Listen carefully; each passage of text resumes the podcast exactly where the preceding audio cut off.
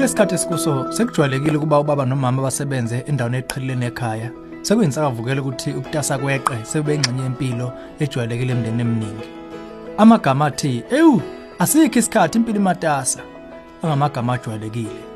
Okuthi uma abazali sebephila leyo mpilo kugcina umzali babo bebethwesa ugogo nomkhulu ngey'ngane zabo. Lokho kungaba lusizo olukhulu emndenini. Nokho angingabi sesimeni la khona abadala benomuzi ukuthi bayaphoqwa bayasetshenziswa kumbe babekwe ebutaseni obedlulele kuze kweqe. Sifuna ukukhuluma ngalesi simo khona la ohlelweni ezomndeni ngakho hlala nathi ukuze okuthe xaxa.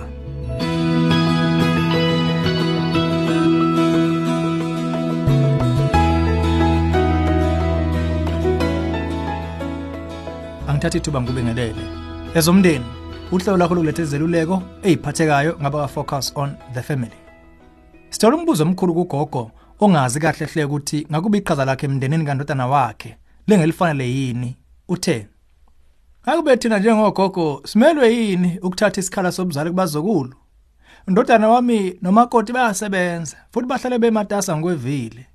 Ngeke ngiyitholele ekhehla lamandla sesithatha iqhaza lobuzali esikhundleni sabo ukuze bona babhekane nobutasa bemisebenzi yabo. Siyakujabulela ukuba nabazukulu futhi sibe lusizo ngalendlela kodwa kwesinye isikhathi abantu abami ngiba nomuzwa wongabazane. Nicabanga ukuthi lokhu kuluhlelo oluhle kodwa.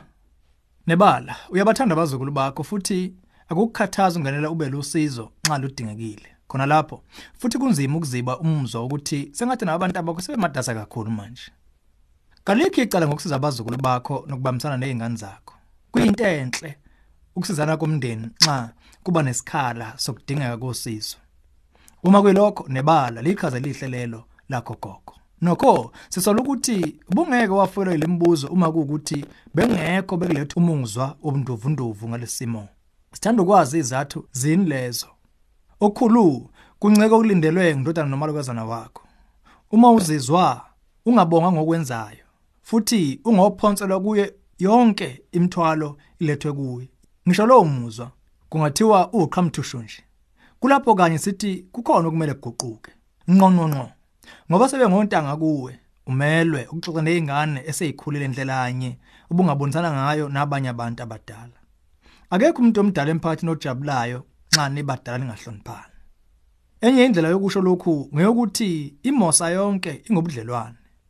Uma ufuna amaxhama okuxhumana nododana wakho uwakwakhe nabazukulu bakho bube ngobunensaso nobuphilile udinga uklama imingcele emihle nefanele. Umelwe ukuma ekuvikeleni isikhathi sakho iprivacy yakho nezempilo zakho. Udinga ukwazi ukusho uma kusuke sekwenele. Ngokukhuluma okuvulekile ezimene ezinjengezakho ziba ngezinhle nxa nikuvumelana kunye kongamele kweqiyo isibonelo ngathi ngizoyigada ingane kabili ngesonto kungedluli lapho.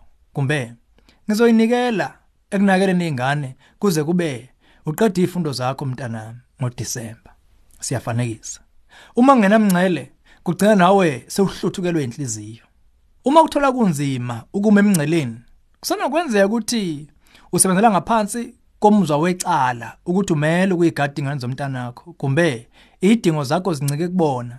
Lokho akumele kulenge kungaxoxa sime nokusho ukuthi nanxa ogogo nomkhulu beneqhaza ezimpilweni zabazukulu okumele bawadlale nokho abekho esikhundleni sokucineleleka ukwenza bonke ubuzale kubona.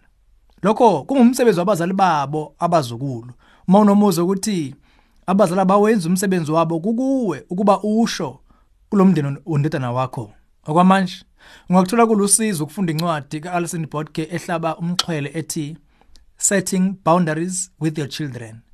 Lolu sizo lwencwadi ungalithola online uma uthi jeqe ku safamily.co.za khumbula ukuthi usunguleko lwemngcele enonophele nenenjabulo ingeseqhulwini kwezobudlelwane ekhaya.